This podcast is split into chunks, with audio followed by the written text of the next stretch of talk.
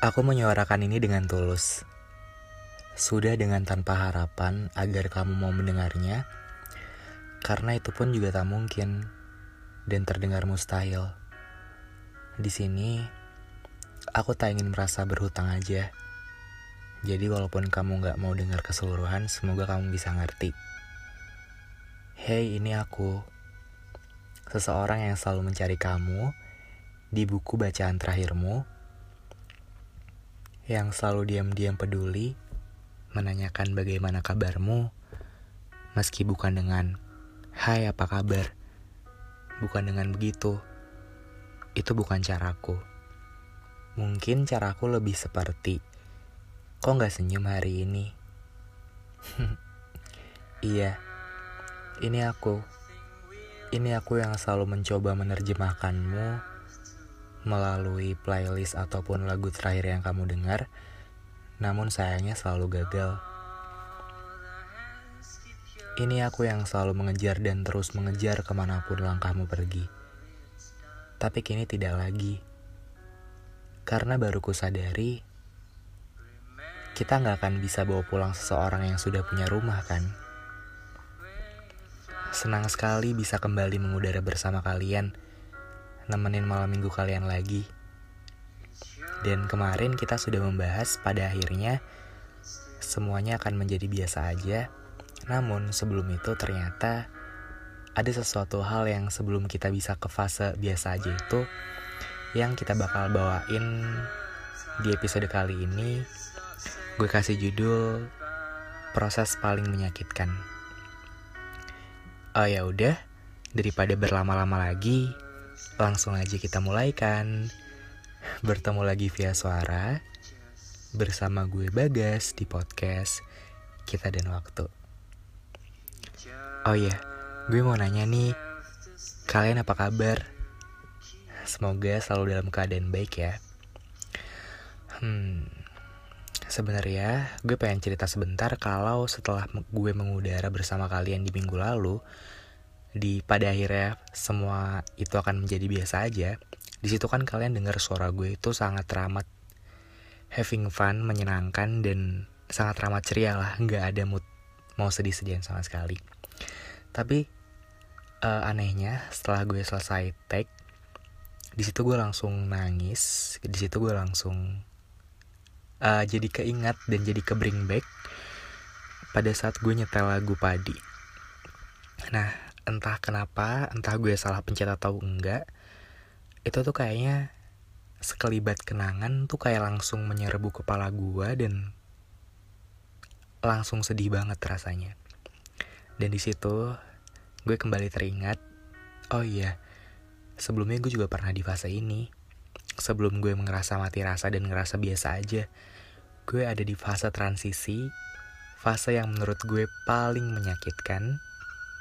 Iya, fase yang mungkin banyak orang mungkin lagi terjebak di sini.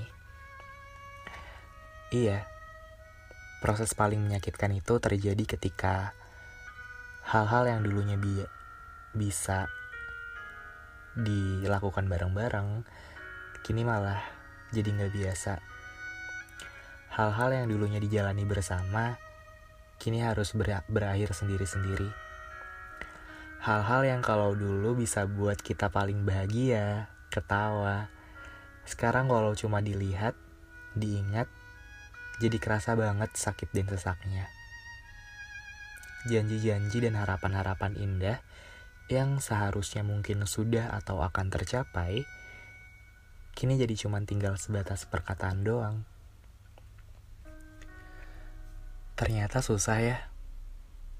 Susah banget buat terbiasa sama kesendirian. Kalau dulu udah sering bareng-bareng meskipun cuman berdua. Karena kalau ada apa-apa bahkan masalah, pasti one call away, pasti emergency call-nya tuh langsung ke dia.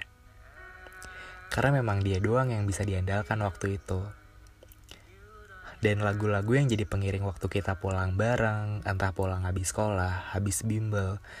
Sekarang lagu-lagu tersebut nggak lebih dari sekedar lagu sedih nggak lebih dari sekedar yang lagu cuman bisa bawa air mata kalau kita dengerin nggak lebih dari lagu yang kalaupun lagu itu terdengar entah di mall, entah kita lagi ada di jalan pulang, entah kita lagi di mana pun itu, rasanya kita pengen keluar atau pengen nutup telinga serapat-rapatnya biar kenangan itu nggak datang.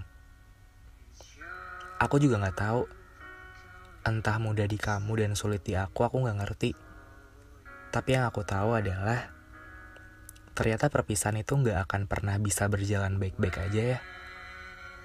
Meskipun seslow apa pun itu berjalan, perpisahan tuh bakal selalu ada rasa nyeri dan rasa dan rasa sakit. Dan aku di sini belajar bahwa di proses menyakitkan itu, ternyata untuk jadi nggak peduli itu nggak mudah ya.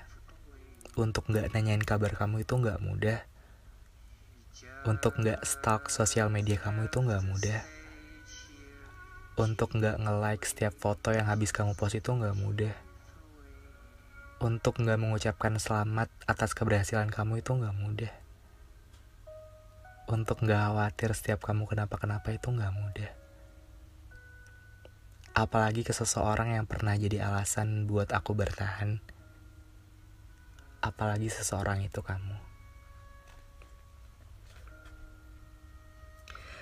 Rasanya menyakitkan. Aku jadi keinget waktu dulu. Waktu kita di KRL bareng. Kayaknya KRL tujuan Tanah Abang sampai ke stasiun tempat kita turun. Ya meskipun bareng anak-anak berangkatnya, tapi kamu tetap stay duduk di samping aku dan ngobrolin banyak hal, ngobrolin cita-cita. Kayak mungkin orang-orang aneh kali ya. Ini kok anak ngobrol mulu, ini kok orang berdua ngobrol mulu kayak kayak memang KRL itu milik milik aku dan dia. Padahal itu cuma cara buat ngebunuh waktu dan cara buat nahan pegel aja karena kan kita nggak dapat kursi prioritas. Kalau keinget itu jadi jadi ke bring back dan cuman bisa senyum habis senyum senyumnya bukan karena senyum bahagia tapi senyumnya senyum getir karena sudah nggak bisa diulang jadi keinget juga waktu itu hujan turun. Waktu itu saya benci hujan. Menghambat. Menghambat pekerjaan, aktivitas. Becek di mana-mana. Tapi sejak kenal dia, saya jadi suka banget sama hujan. Karena jadi bisa menghabiskan waktu lebih lama buat ngobrol sama dia. Dan kalau ngobrol sama dia tuh bawaannya selalu menyenangkan. Ya kadang meskipun obrolan yang gak jelas, meskipun kadang ngalor ngidul ke mana-mana. Mungkin gini ya, kalau misalkan kita udah suka sama seseorang, mau obrolannya ke mana pun bakal tetap menyenangkan. Dan dari sini aku bahkan berpikir, apakah aku dan kamu pernah menjadi cerita? Pernah benar-benar jadi kita? Apakah apakah hari kemarin itu benar-benar ada? Lalu kalau misalkan hari kemarin itu benar-benar ada, lantas mengapa? Mengapa sekarang seperti nggak ada bekasnya? Kalian pernah bertanya-tanya nggak sih? Sebuah cerita kan dilakukan oleh dua orang. Tapi kenapa yang ngebekas tuh kadang cuma di satu orang? Yang benar-benar merasa kehilangan atas perpisahan yang terjadi antara dua insan tuh cuma satu orang. Apa karena waktu pas menjalin cerita itu ada satu pihak yang sebenarnya nggak cinta tapi cuma kasihan? Aku nggak ngerti dan nggak tahu. Hey, bukan apa-apa. Aku tetap senang kok. Aku senang melihat kamu berjibaku dengan mimpi-mimpi kamu dan segala kerumitan isi kepalamu yang bahkan mungkin kerap kali mengganggu jam tidurmu. Hei, ingat kantung matamu sudah tebal waktu itu. Waktu terakhir aku menemuimu, meskipun kamu sudah mengobrol dan berbicara tentang seseorang baru yang datang ke hidup kamu. Tapi mengapa? Mengapa kamu tak lagi libatkan aku mungkin memang sudah tidak penting. Gak apa-apa. Aku senang waktu itu sempat mengabadikan sesuatu bareng kamu. meskipun cuma satu frame aja. Karena ibu bilang, aku tipikal anak yang masih muda tapi pelupa. Iya sih, aku lupa banget sama hal-hal kadang suka lupa naruh kacamata di mana, suka lupa naruh kunci motor di mana, apalagi dompet. Bahkan dompet aja sering banget ketinggalan di dashboard motor, untungnya nggak hilang. Namun anehnya, mungkin gak ada satupun tentang kamu yang luput dari ingatan aku. Jujur, aku pun gak ngerti. Aku pun gak ngerti kenapa masalah hati bisa serumit ini. Atau memang semua orang yang merasakan dan terlarut dalam cinta yang begitu dalam akan seperti ini. Seperti nggak bisa membedakan mana yang harus diteruskan dan mana yang harus berhenti. Dan sudah terlampau bodoh untuk mengeja mana yang benar dan salah, mana rasa senang dan rasa sedih, itu jadi nggak ada bedanya. Dan sebenarnya, proses menyakitkan itu terjadi ketika transisi antara kita yang ke mana-mana berdua, yang saling jadi tameng dan perisai untuk masing-masing dari kita itu harus berjalan sendiri-sendiri. Itu harus menghadapi kenyataan dunia bahwa memang pada akhirnya kita bakalan sendiri. Dan hal yang nggak biasa itu yang bikin kita sakit. Apalagi dibantu sama kenangan-kenangan yang dulu rasanya kalau jalan berdua itu mudah. Jadi ke distract dan jadi kebawa kok jalan sendirian ternyata sulit banget ya Padahal ternyata nggak sesulit itu. Dan sesuatu itu kita nggak bisa deny. Sesuatu, sesuatu itu harus kita terima karena hal-hal yang tadinya biasa dan nggak jadi biasa, hal-hal yang tadinya menyakitkan dan sekarang menjadi sembuh, itu pada akhirnya menjadi sebuah proses pendewasaan. Kalau kita cuma menghindar dan nyerah, Mau sampai kapan? Mau sampai kita ngelihat dia udah berjalan sama seseorang baru dan kita masih setak masih setak di buku-buku lama yang bahkan pemilik bukunya mungkin udah nggak ingat dia pernah ngisi buku itu. Coba deh kamu renungkan. Jadi, sebelum menuju proses pada akhirnya semua akan menjadi biasa aja, proses menyakitkan itu harus dilalui. Ini dan itu harus dilewati. Kalau mungkin keinget dan mungkin sakit mungkin memang prosesnya bakal seperti itu dan prosesnya membutuhkan banyak air mata. Tapi aku yakin sama seperti apa yang aku bicarakan di episode kali ini aku seneng aku nggak kebawa dawan dan nggak kebawa nangis. Karena aku berapa kali tag episode kali ini episode yang ini nih ujung-ujungnya aku tuh selalu nangis dan rekamannya jadi anjur dan jadi jelek deh. Aku senang di episode kali ini aku bisa bertahan dan bisa. Ya udahlah. Kan orang nggak cuma dia doang, kan masih banyak yang lain lah gitu. Jadi buat kalian mungkin yang masih kesulitan untuk belajar melupakan, mengikhlaskan, hmm, cari kesibukan lain aja atau fokus ke diri kamu sendiri dan ingat bahwa dia aja udah gak peduli sama kamu. Kamu ngapain peduli sama dia? Dan itu cuma buang-buang waktu doang kan? Dan itu cuma merugikan kamu doang kan pada akhirnya? Karena perjalanan cinta itu dimulai oleh dua orang dan pada akhirnya berakhir sama dua orang. Tapi kalau ternyata setelah cerita itu selesai, dan kamu masih mengharapkan dia balik, ternyata dia udah punya rumah yang baru, ya mungkin memang itu jawabannya. Mungkin memang bukan dia pada akhirnya. Dan mungkin proses menyakitkan itu akan terlewati kalau kamu siap untuk melewatinya.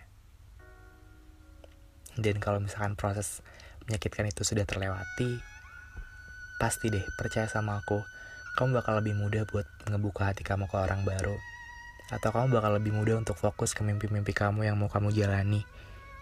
Percaya deh. Mungkin itu dulu yang bisa aku obrolin di episode kali ini. Senang banget meskipun sekarang ketemuannya cuma seminggu sekali dan setiap malam minggu. aku seneng jadi kita ketemu itu intimate banget